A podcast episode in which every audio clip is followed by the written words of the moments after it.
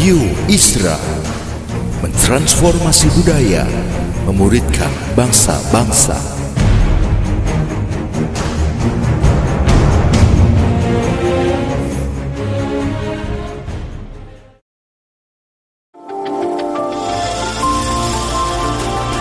Voice of Pradaim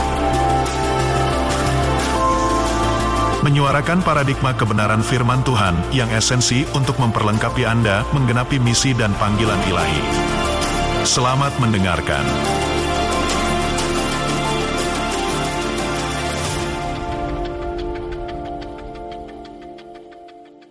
Siapa yang pernah baca kitab Ibrani? Kalau angkat tangan, ada yang pernah baca kitab Ibrani? Ya, pasti ada ya. Karena sudah tahu itu ada di Alkitab. Tapi siapa yang pernah membaca benar-benar kitab Ibrani? Serius membacanya. Ya, ya. Uh, kitab Ibrani itu menurut saya adalah salah satu kitab yang unik. Uniknya begini, saya cerita dulu tentang kitab Ibrani pada saudara. Dan kemudian kita akan bahas beberapa hal yang penting yang saya rasa penting buat kita. Uniknya begini, kitab Ibrani itu sampai hari ini masih menjadi perdebatan siapakah penulisnya? Kira-kira begitu. Sampai hari ini. Jadi belum ada orang yang bisa pasti menulis ini penulisnya ini. Ya itu dia. Beberapa orang sangat yakin khususnya aliran Pantekostal karismatik itu yakin banget bahwa penulis kitab Ibrani itu Rasul Paulus. Gitu aja. Atau kalau bukan Rasul Paulus dia adalah murid paling dekat dengan Paulus yang cara pikirnya cara berbicaranya, cara menulisnya mirip Rasul Paulus. Paling tidak dia adalah seorang Yahudi, dia adalah seorang yang punya pemahaman yang sangat luas mengenai tabernakel-tabernakel, hari-hari raya. Dia punya pemahaman yang sangat luas tentang keimamatan orang Yahudi. Jadi orang ini sebenarnya punya pengetahuan Yudaisme yang sangat kuat. Diperkirakan Paulus atau paling tidak orang-orang yang seperti Paulus. Mereka menyebutnya dalam istilah teologi adalah Paulin Ya. Nah, kalau saya perhatikan baik-baik bahwa kitab uh, kitab Ibrani ini itu ditulis kitab Ibrani disebabkan karena disebut Hebrew disebabkan karena isinya yang sangat kuat, sangat kental mengupas penjelasan mengenai perjanjian lama. Jadi banyak hal perjanjian lama yang dikupas. Nah, karena dia ada di perjanjian baru, nah mari kita akan membahas hal ini. Saya menyarankan kalau saudara suka baca buku, ya, kalau saudara suka baca buku, bacalah buku tulisan dari Wordsworth Worsby, judulnya Be Confident. Itu buku yang bagus buat saudara baca untuk kasih pemahaman lebih luas. Tapi kalau saudara mau memperhatikan bahwa sebenarnya kitab Ibrani penekanannya cuma satu. Ini penekanan kitab Ibrani. Ini, ini, ini penekanan. Jaminan firman Tuhan untuk kita is the assurance of the word of God untuk kita. Sebuah jaminan firman Tuhan untuk kita. Tapi kalau diperhatikan kata itu hidupku menggenapi firmanmu. Ya. Orang nggak mungkin menggenapi firman kalau dia nggak dengar firman Tuhan. So sebenarnya simpelnya begini. Penulis kitab Ibrani memberitahu buat kita begini. Bahwa untuk yang namanya firman Tuhan, dua hal penting yang harus kita miliki. Yang pertama adalah kita perlu mendengar firman Tuhan. Itu pertanyaan penting. Apakah saudara mendengarkan firman Tuhan? Saya dengar khotbah, bukan itu, bukan. Saya dengar uh, khotbah di televisi, saya dengar setiap hari Minggu, bukan itu. Apakah engkau mendengar dari pribadi yang berbicara kepadamu dan bukan dari kata orang kepada kita? Sebab kata yang paling penting yang perlu kita perhatikan di sini adalah ini. Apakah kita mendengarkan apa yang sedang dia sampaikan kepada kita? Mari kita akan baca tiga ayat pertama dari Ibrani pasalnya yang pertama.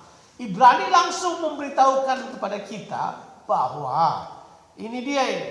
Kita perlu mendengar suara Tuhan. Kita perlu tahu firman Tuhan kepada kita apa. Kita harus punya ini kata yang dia pilih hati-hati. Kita harus punya personal relationship dengan firman Tuhan. Kalau kata dengan kata lain saya mau beritahu pada saudara, kita seharusnya menjadi pendengar suara Tuhan. Kita menjadi orang yang mendengarkan apa yang Tuhan sampaikan kepada kita. Sekali lagi saya mau katakan kepada saudara, yang saya maksud itu begini, kita nggak terlalu juga jadi freak. Christianity yang kemudian berkata gini, saya dengar firman, eh, saya dengar suara Tuhan tadi pagi, saya dengar suara Tuhan untuk ini. Saya tanya Tuhan buat ini. Enggak begitu, bukan itu yang saya maksudkan. Yang saya maksudkan, saudara karena saudara mendengar firman Tuhan, ada ada ada itu, ada hasil yang kelihatan. Dan hasil itu adalah kata yang dipilih oleh Warren Worsby itu. Dia bilang ini, kita punya confidence terhadap Tuhan, firmannya, yang ada di dalam kita menghadapi apa pun masalah dalam kehidupan ini. Sudah paham apa yang saya maksudkan? Nah hanya ada dua aja yang penting. Dia bilang begini, saudara dengar firman Tuhan, which is aplikasi mendengar firman Tuhan itu adalah you need to be what open in your heart to listen to what he's telling you. Saudara harus mendengarkan apa yang dia katakan kepada saudara. Tapi yang kedua adalah selain kita membuka hati, yang kedua ini yang penting. Saudara harus menjadi pelaksana dari firman Tuhan itu. Itulah yang kemudian akan memberikan kepada saudara confident. Kalau saya bilang confidence apa itu? Apa arti confidence? Ya, nggak apa-apa. Di gereja kita boleh ngomong sama pendetanya, nggak usah takut. Ini bukan gereja yang sudah disuruh dia. Boleh ngomong apa? Confidence apa? Keyakinan. Ya. Arti daripada confidence sebenarnya adalah well assured of what you believe. Engkau betul-betul yakin pada jaminan dari apa yang kau percayai. Ada keyakinan penuh. Jadi uh, uh, confidence itu adalah sesuatu yang menopang saudara untuk berdiri. Confidence itu yang membuat saudara bangkit lagi waktu saudara jatuh. Confidence itu yang membuat saudara melihat di tengah-tengah kegelapan. Bayangkan, itu confidence itu. Ada sebuah keyakinan, ada jaminan keyakinan dari dalam buat kita melihat hal tersebut. Sekarang kita baca. Setelah pada zaman dahulu Allah berulang kali dan dalam pelbagai cara berbicara. Jangan dulu berbicara. Jadi Tuhan kita berbicara. Dalam berbagai cara. Berbagai cara. Jadi bukan cuma satu cara. Berbagai cara. Kepada nenek moyang kita dengan perantaraan apa? Nabi-nabi. Ayat yang kedua. Maka pada zaman akhir ini, jadi Tuhan seperti ubah caranya. Saya tidak bilang dia ubah caranya sih, dia ganti fokusnya. Sebab dulu orang pakai perantaraan para nabi, sekarang nggak para nabi lagi. Dia bilang, this is a new season, this is a new management, this is a new way. Apa caranya baru ini? Maka pada zaman akhir ini, ia telah berbicara kepada kita dengan apa? Perantaraan siapa? Anaknya. Bukan Nabi lagi. Siapa sekarang? Anaknya. Siapa anaknya? Yesus. Yang telah ia tetapkan sebagai yang berhak menerima segala yang ada. Jadi Yesus itu berhak, belum belum? Dia berhak. Dia punya right, the full right untuk terima semua pujian, penyembahan, semuanya. Berhak menerima segala yang ada. Kemudian dibilang ini, oleh dia Allah telah menjadikan alam semesta. Saya tidak perlu jelaskan, surat cukup baca Yohanes pasal 1 ayat 1 sampai ayatnya yang ke-14. Saya tidak, tidak, tidak mau jelaskan lagi. Tapi prinsipnya adalah oleh dia. Siapa dia ini? Yesus. Siapa dia itu menurut Yohanes? Firman. Dia yang berfirman. Jadi sekarang yang berfirman itu sekarang sudah ada dalam diri Yesus Kristus. Artinya adalah Yesus Kristus itu adalah firman yang hidup. Dialah yang harus kita lihat. Hidupnya yang harus kita perhatikan. Teladan yang dia berikan yang harus kita ikuti. Apa saja yang dia katakan penting buat kita. Kita perlu mendengarkan hal tersebut. Are you listening? Is anybody listening? Apakah kita mendengarkan apa yang dia katakan? Itu yang dua. Sekarang ayat tiga. Ayat dikata lebih luar biasa lagi. Dia bilang begini. Ia adalah cahaya kemuliaan Allah dan gambar wujud Allah dan menopang segala yang ada dengan firman-Nya yang penuh apa? kekuasaan. Dan setelah ia selesai mengadakan penyucian dosa, ia duduk di sebelah kanan yang maha besar di tempat yang tinggi. Ayat yang ketiga cuman secure, the outstanding, the primary, the apa saya mau katakan ini? Yang paling luar biasa dari Tuhan adalah dia sekarang duduk di atas tahta. Jadi dia yang berfirman duduk di mana? Di atas tahta. Lalu di atas tahta. Itu artinya adalah dia memegang kendali. Berarti saya kemudian paham firman Tuhan itu adalah firman yang punya kekuatan kendali. Benar ya? Firman Tuhan itu punya kekuatan apa? Kendali. It has the power to control. Dia punya power untuk mengatur banyak hal. Makanya kalau kita mendengarkan suaranya, be well assured that you are in a good control. Saudara dalam sebuah kendali yang pasti dan kendali itu duduk di atas tahta. Dia tidak pernah berubah. Setuju gak? Setuju gak? Nah, kita sekarang mau lihat. Saya tanya kepada saudara. Berapa confidentkah saudara berhadapan dengan tahun 2020? Berapa confident ya saudara? Saya udah beritahu pada saudara waktu kita mulai minggu yang lalu bahwa hey tahun ke depan belum tentu semuanya bakal baik. Belum tentu semuanya bakal baik. Are you confident with your finance? Are you confident with your study? Are you confident in your work? Are you confident? Apakah saudara well assured? Apakah saudara yakin betul bahwa Tuhan dengan firman-Nya menyertai saudara? Itu pertanyaan yang bagus. Nah, mungkin saudara berkata, ya ini ini bahasa dunia masih ya udahlah lewatin aja kayak sera-sera aja yang datang-datang jadi-jadi kita kayak sera-sera aja ya udahlah yang terjadi terjadilah pokoknya ikut aja kita harus mengerti hal ini ketidakyakinan kita pada firman Tuhan itu punya masalah besar itu punya masalah besar nah masa yang ditunjukkan pada saudara apa yang dia katakan kalau saudara baca terus menerus dia mulai dengan firman dia kemudian bilang firman itu akan meneguhkan saudara. Tapi firman Tuhan itu akan memisahkan saudara. Dia akan menggoncangkan saudara. Dia akan buat banyak hal dalam diri saudara. Sampai kita baca pasal 12 kemarin. Firmannya menggoncangkan segala sesuatu. Sehingga yang bisa digoncangkan, digoncangkan dalam diri saudara. Tapi ini tujuannya firman Tuhan ini. Firman Tuhan ini bertujuan untuk memberikan kepada saudara. Ini dia ini.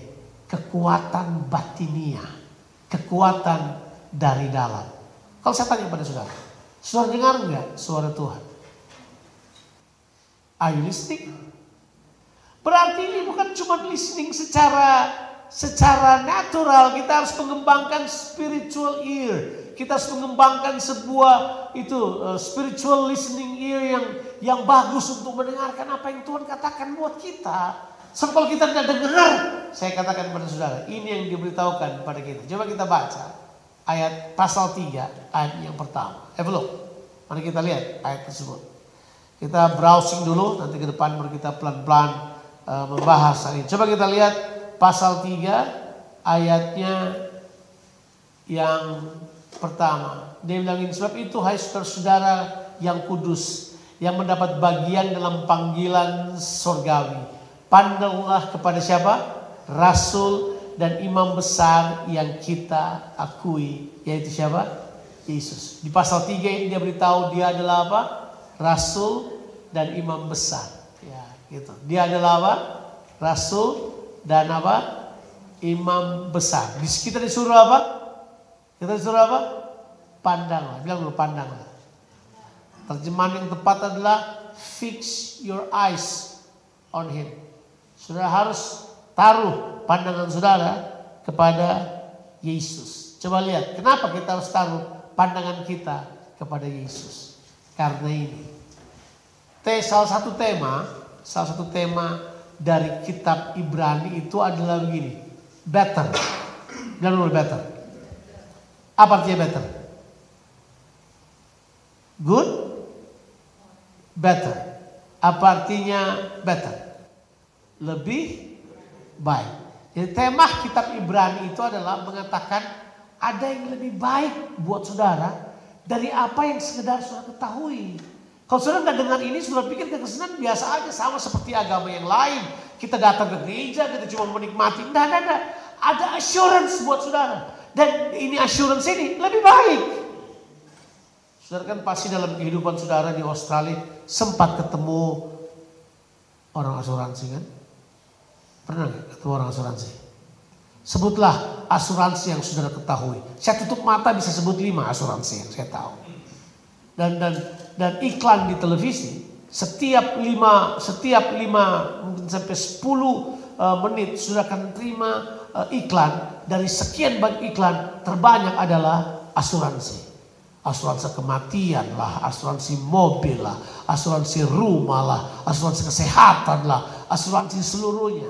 Di handphone kita yang datang adalah insurance. Yang telepon saudara insurance. Insurance kerjakan semuanya and what they try to offer you a better life. Sudah percaya? Tapi ini yang diberitahukan oleh Alkitab. Ada assurance yang lebih baik dari semuanya. Makanya kalau sudah baca kitab Ibrani, temanya lebih baik. Misalnya dia beritahu ini. Kita punya imam besar yang lebih baik. Kita punya pengharapan yang lebih baik.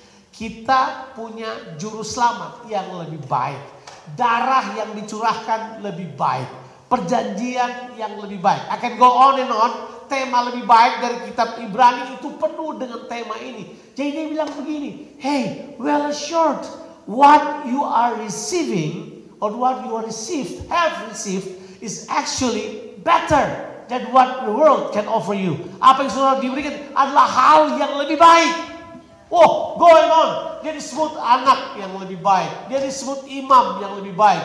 Dia disebut perjanjian yang lebih baik. Semuanya lebih baik, lebih baik, lebih baik. Do you want something better? Jawabannya adalah dengarkan apa yang dia katakan. Sampai dia akan sampaikan kepada saudara adalah hal yang jauh lebih baik. Saya menikah dengan istri saya Pastilah sama istri saya, masa sama istri orang lain. Saya menikah dengan istri saya uh, ini tahun ke-24. 3, 24 kita menikah. Nah saya mau bilang ini buat saudara, selama kita menikah, istri saya selalu punya pertanyaan dari dulu ini. What next? What next? Kita udah sampai di sini Tuhan. What next? Apalagi Tuhan kita dikasih ini, sekarang apalagi? Dia dia dia selalu prepare untuk sesuatu yang lebih. Saya suka, nggak tahu dia belajar dari mana itu dia belajar dari YWM paling. Bahwa orang harus harus terus maju dalam kehidupan ini. Jangan pernah berhenti. Kalau sudah berhenti berharap selesai. Sudah akan stuck di situ, berhenti di situ, puas di situ dan maafkan, mati di situ. Sudah harusnya lihat lebih jauh lagi. There are a lot of things that God prepare for you. There are better things, betul kan? Ada hal yang lebih baik. Jangan cuma berhenti di sini dan kemudian membalas sekelilingnya. Ya udahlah kita gini-gini aja. Ya udah nanti kita mati gini aja. Sudah gitu aja. Nah harusnya kita harus punya sebuah pengharapan yang lebih. Kitab Ibrani menjanjikan kepada kita. Ada pengharapan yang lebih baik. Dengarkan. Hidupmu masih bisa lebih baik. Halo? Dari wajah saudara kayaknya udah gak lihat. Masa sih? Saya bisa lebih baik apa ya? Gaji tambah kurang, tenaga tambah kurang, rambut tambah kurang, penglihatan tambah kurang, kekuatan tambah kurang. Semuanya sama tambah kurang. Tapi kita Ibrani janjikan, no, no, no, no, no. There is more. There is more. There is more. Masih ada lebih lagi yang Tuhan mau berikan kepada kita. Makanya dia bilang, dia punya rasul dan dia punya apa? Imam besar yang lebih baik. Cuman masalahnya di pasal 3 ini. Coba kita lompat langsung saja ayatnya yang ke-7 dan ayatnya yang ke-8. Melihat dia adalah hal yang luar biasa, memandang kepadanya. Tapi ini mendengar dari dia itu yang penting. Sebab itu seperti yang dikatakan Roh Kudus. Siapa yang katakan ini? Roh Kudus. Pada hari ini. Kapan itu hari ini? Pada hari ini. Besok hari ini nggak buat saudara? Kalau saudara sampai besok. Tahun depan hari ini nggak? Iya tetap. Karena ini disebut dengan present continuous tense. Terus menerus berlaku. Dia berkata begini, pada hari ini yang seperti yang dikatakan Roh Kudus. Jika kamu mendengarkan suaranya. Bilang dulu. Jika kamu apa? Mendengarkan suaranya. Jangan keraskan hatimu. Well, selebihnya dong. Masa cuma sepotong gitu. Janganlah keraskan hatimu seperti dalam kegeraman pada waktu pencobaan di padang gurun. Ayat berikutnya, di mana nenek moyangmu mencobai aku dengan jalan menguji aku, sekalipun mereka melihat perbuatan-perbuatanku 40 tahun lamanya. jadi begini. Ini dia. Kalau saudara mendengarkan firman Tuhan, jangan keraskan hati saudara. Halo? Jangan keraskan hati saudara. Apa artinya? Ini artinya. Yang pertama karena firman Tuhan punya kuasa untuk membentuk hati saudara. Firman Tuhan punya kuasa to mold your heart. There is a power to mold. Ada kuasa untuk membentuk. Ada kuasa untuk mengubah. Ada kuasa untuk merubah apa yang buruk dalam diri saudara. Ada kuasa untuk mengubah hal-hal yang salah dalam diri saudara. Firman Tuhan memang punya kuasa itu. Betul kan? 2 Timotius 3 ayat yang ke-16 berkata, memang firman Tuhan bermanfaat untuk apa? Coba Bill, tampilkan kalau bisa. 2 Timotius 3 ayat yang ke-16, betul? Segala tulisan yang diilhamkan oleh Roh Kudus berarti firman Tuhan. Coba. Masih bisa kayak itu ditampilkan? Segala tulisan diilhamkan Allah memang bermanfaat untuk apa? Mengajar, menyatakan kesalahan, memperbaiki kelakuan dan untuk mendidik orang dalam kebenaran. Dari ayat ini kita mengetahui why we should take heed of his word. Mengapa kita perlu mendengarkan dengan benar? Karena kalau kita mendengarkan dengan benar, kita berkata firman Tuhan punya kuasa untuk mold your heart. Nah ini saya beritahu saudara. Semua pelajaran bisa tambahkan otak saudara, bisa tambahkan pengetahuan saudara. Tapi yang mengubah hati cuma firman Tuhan. Saudara boleh tambah pintar, saudara boleh tambah tahu, saudara boleh bisa bisa bisa punya intelligence yang ber, ber, bertambah, meningkat. Tapi saya beritahu buat saudara, semua itu tidak punya kuasa untuk mengubah hati saudara. Tapi kalau firman Tuhan, dia berkuasa untuk mengubah the center of your life. Berkuasa untuk mengubah pusat dari kehidupan saudara. When your center is changed, would it be easier for your other things to be changed as well? Pastilah akan lebih mudah yang lain diubahkan kalau pusatnya sudah berubah. Saya mempercayai hal ini. Kalau kita membuka hati kita kepada Tuhan yang berfirman di dalam kita pasti akan mengalami perubahan. Saudara yang udah capek dengan diri saudara sendiri karena tidak berubah-berubah, saudara jadi malas dengan diri saudara juga. Ya, beberapa orang cuma malas dengan keadaannya, beberapa orang lebih malas dengan keadaan yang malas pada dirinya sendiri. Dia semalas pada dirinya, emang dia memalas lagi pada istrinya? Pastilah. Anak-anaknya dia malas pada pekerjaan, dia sudah malas pada dirinya sendiri. Udah malas hidup. Kenapa? Kenapa? Capek dengan hatinya sendiri. Dia lihat sendiri ada-ada yang bisa diubah. Nah, tapi saya beritahu pada saudara. There is a power of change in the word of God. Ada kuasa keubahan dalam firman Tuhan. Dia bilang jangan keraskan hatimu. Jangan. Seperti dalam keadaan kebodohan atau kegeraman. Buka hatimu. Izinkan firman Tuhan ubah kehidupan saudara. Karena memang itu yang pertama. Firman Tuhan punya kuasa untuk apa? Mengubah. Tapi bukan cuma firman Tuhan punya kuasa untuk mengubah. Firman Tuhan punya kuasa untuk menumbuhkan hal yang baik. Firman Tuhan punya kuasa untuk menumbuhkan hal yang baik. Mungkin separuh dari kehidupan saya, saya berurusan dengan mentoring orang dan membesarkan orang. Saya lama tinggal di sekolah teologi. Ada orang sudah berkata begini, aduh Bang Jo, sudahlah saya nggak mungkin lah berubah, bagaimana mau berubah? Nggak bisa lah, saya sudah pergi ke banyak pendeta, nggak mungkin lah saya berubah. Mau diapakan saya ini? Saya harus jawab, kamu bisa saya rubah. Saya bawa kamu ke depan, saya ambil semua mahasiswa, rajam kamu dengan batu, kamu pasti berubah. Karena kadang-kadang orang sering kali perlu fatalisme untuk rubah cara berpikirnya mereka. Tapi harusnya tidak perlu begitu.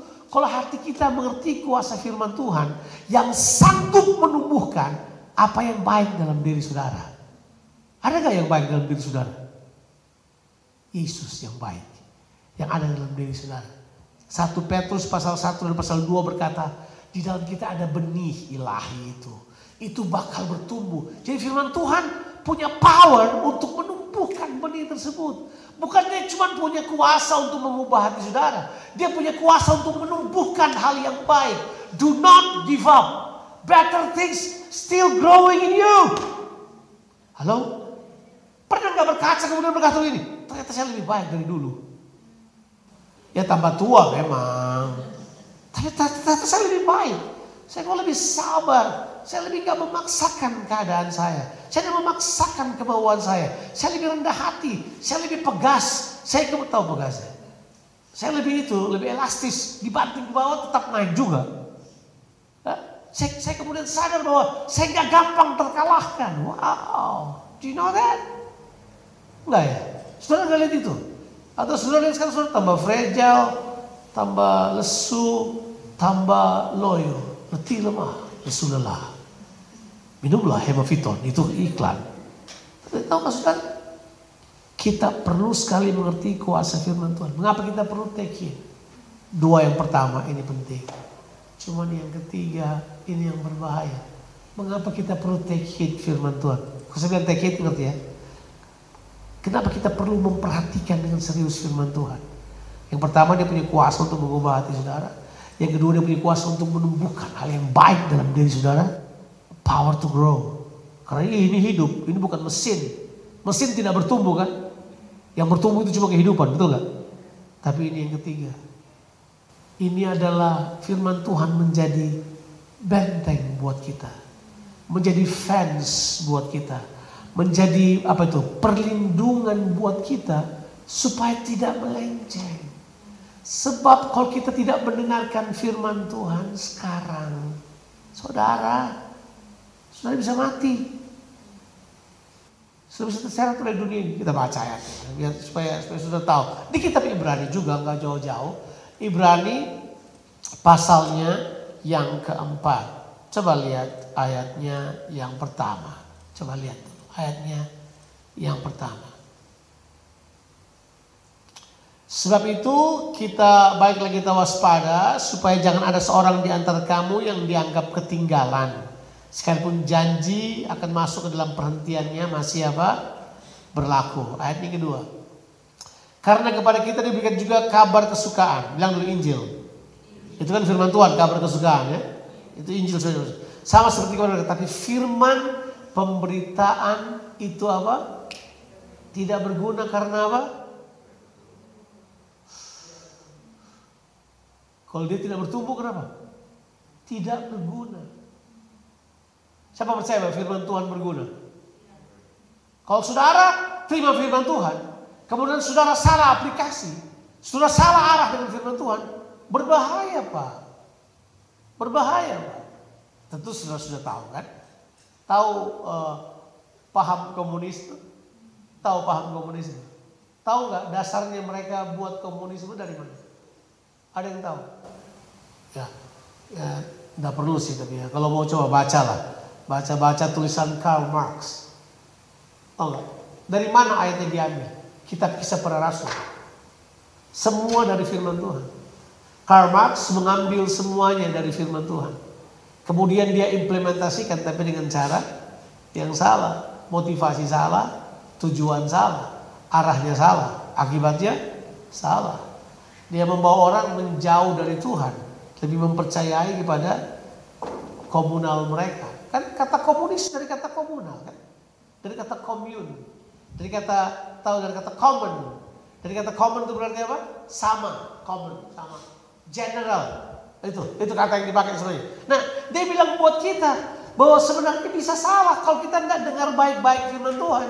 Bisa salah arahnya karena tidak bertumbuh. Sebab begini, kalau tidak bertumbuh, mari saya beritahu pada saudara. Mengapa saya kasihan dengan para pemberontak? Kadang-kadang kita benci pada pemberontak, orang yang mau dengar firman Tuhan. Saya cuma kasihan. Kenapa saya kasihan? This guy lied. Ditipu oleh siapa? Ditipu oleh hatinya sendiri yang gagal mengerti firman Tuhan. Ditipu oleh hatinya sendiri yang menolak firman Tuhan. Dia bilang begini, itu udah bertumbuh. Coba kita baca ayat ketiga. Hmm. Ayat ketiga. Sebab kita yang beriman akan masuk ke tempat perhentian seperti yang dikatakan. Sehingga aku bersumpah dalam mukaku mereka tak akan masuk ke tempat apa? Mereka tidak masuk ke tempat yang Tuhan janjikan. Sekalipun pekerjaannya sudah selesai sejak dunia dijadikan. Saya kalau baca ini saya suka saya suka bersyukur karena kita berkata Tuhan tuh gini, semua pekerjaannya udah selesai dulu, baru mulai. Ini udah selesai dulu.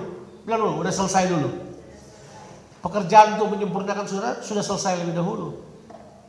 Tapi dia mengajak saudara untuk kerjasama dengan dia. Halo? Kerjasamanya dengan cara apa? Menyelaraskan kehidupan kita dengan firmannya. Terus dia begini, karena pekerjaan sudah selesai, bagian kita sebenarnya adalah tinggal synchronize our life. Masih ingat nggak tiga tahun lalu temanya kita synchronize. Temanya kita adalah synchronization. Tema kita adalah menyelaraskan kehidupan dengan firman Tuhan.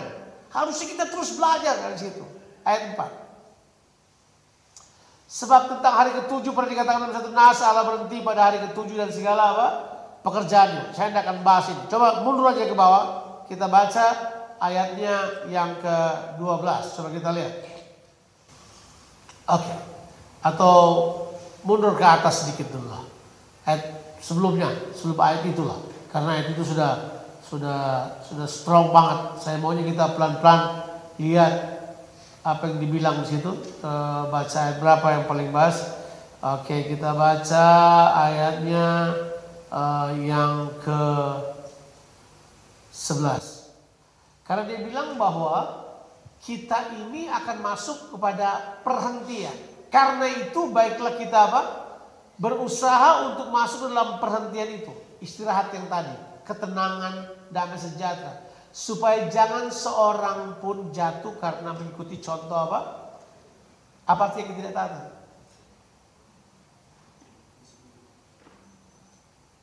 Ada yang tahu arti ketidaktaatan?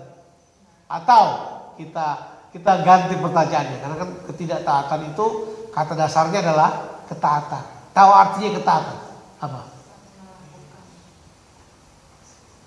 Ketaatan itu punya dua kata loh, jangan salah. Kata ketaatan itu punya dua kata penting. Dengar dan lakukan. Kalau nggak dengar tapi lakukan, itu aneh.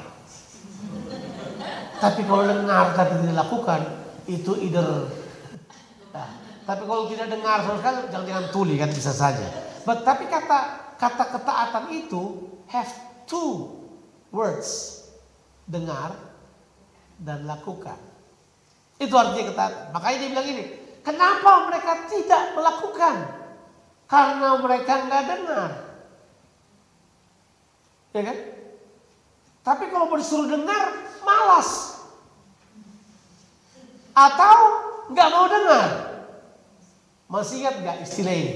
Masuk telinga kiri, keluar telinga kanan. Saya selalu bilang kalau masuk telinga kiri, keluar telinga kanan, mungkin ada sedikit yang nyangkut. Yang terbaru adalah masuk kiri, keluar kiri. Itu mental namanya. Bounce back. Tapi kita suka jadi orang kayak gitu. Kita tidak mentaati Tuhan. Nah oke, okay, ayat 12. Sebab firman Allah hidup dan kuat. Lebih tajam dari pedang bermata dua mana pun. Saya pilih ini jadi khotbah saya tiap kali, doa saya setiap kali saya berkhotbah. Kalau saya perhatikan saya berdoa, ini selalu saya ambil sebagai sebuah deklarasi. Bahwa saya menghargai firman Tuhan. Karena firman Tuhan itu berkuasa. Dan dia bilang ini, ia menusuk amat dalam. Sampai memisahkan jiwa dan roh. Berarti kalau dia datang kepada kita, sudah tidak bisa pura-pura gini, oh kayaknya firman Tuhan ini bisa membuat saya jadi lebih kedagingan. Enggak, karena firman Tuhan itu kalau dia datang, dia cut dari cara berpikir kedagingan saudara dengan cara berpikir spiritual saudara. Sendi-sendi dan sumsum. -sum. Ia sanggup membedakan pertimbangan dan pikiran hati kita. Wow. Ayat 13.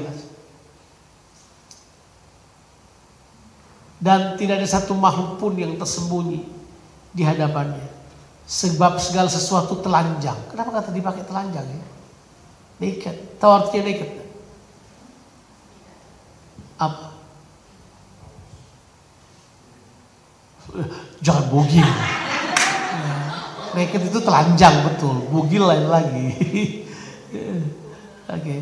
naked itu artinya begini, tidak ada halangan lagi. You behold seperti clarity, itu maksudnya clear, nggak ada lagi yang menghalangi, nggak ada yang terselubung dan terbuka di depan matanya. Yang kepadanya kita harus memberikan apa? tanggung jawab. Stop dulu. Are you listening? Apakah saudara mendengarkan apa yang Tuhan sampaikan kepada kita? Saya sudah katakan berulang-ulang kali. Bahwa saudara tidak mungkin mendengarkan Tuhan cuma karena dengar khotbah saya.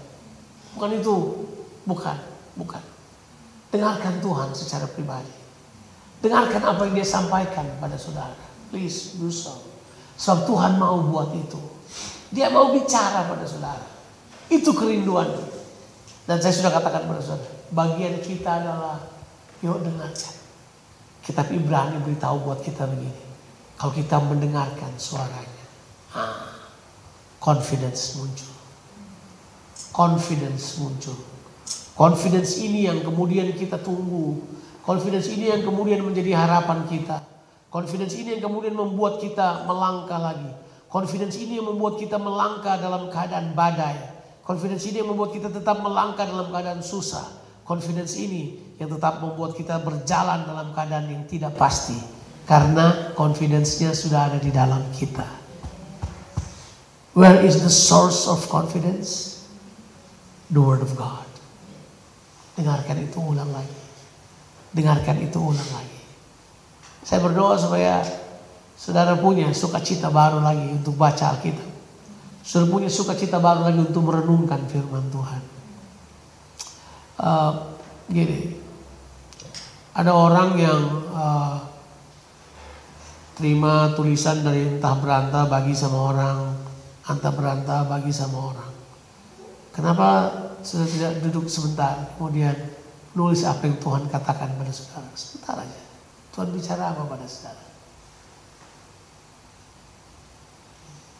Saya pikir apa ya? Kok nggak ada? Bukan nggak ada. Saudara kurang dengar. Karena mungkin dia bicara pada saudara. Tapi saudara nggak nangkap. Jadi supaya lebih gampang ambil orang lain punya aja. Kan memberkati juga. Nah, mari saya beritahu pada saudara. Stop doing good things for the best that God will give you. Ada hal-hal yang baik yang kita buat. Yang sudah Tuhan berkata, ada hal yang lebih baik. Kita berani challenge kita. There is a better thing. There are better things. Ada hal yang lebih besar. Ada hal yang lebih baik. Ada hal yang lebih mulia. Sudah mungkin lihat anak-anak saudara. Ya ampun anak gua kayaknya gimana nih sekolah kagak mau, makan gak mau. Otak sudah kosong, badannya nggak ada isinya. Mau jadi apa? Mau jadi layangan. Nah, nah, nah, nah. There is a better future buat dia.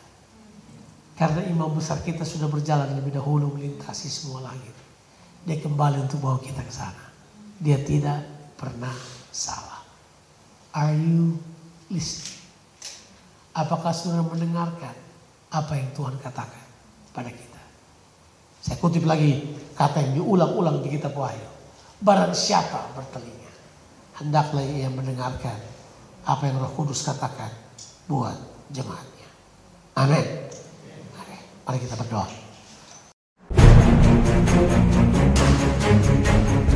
Radio Isra mentransformasi budaya, memuridkan bangsa-bangsa.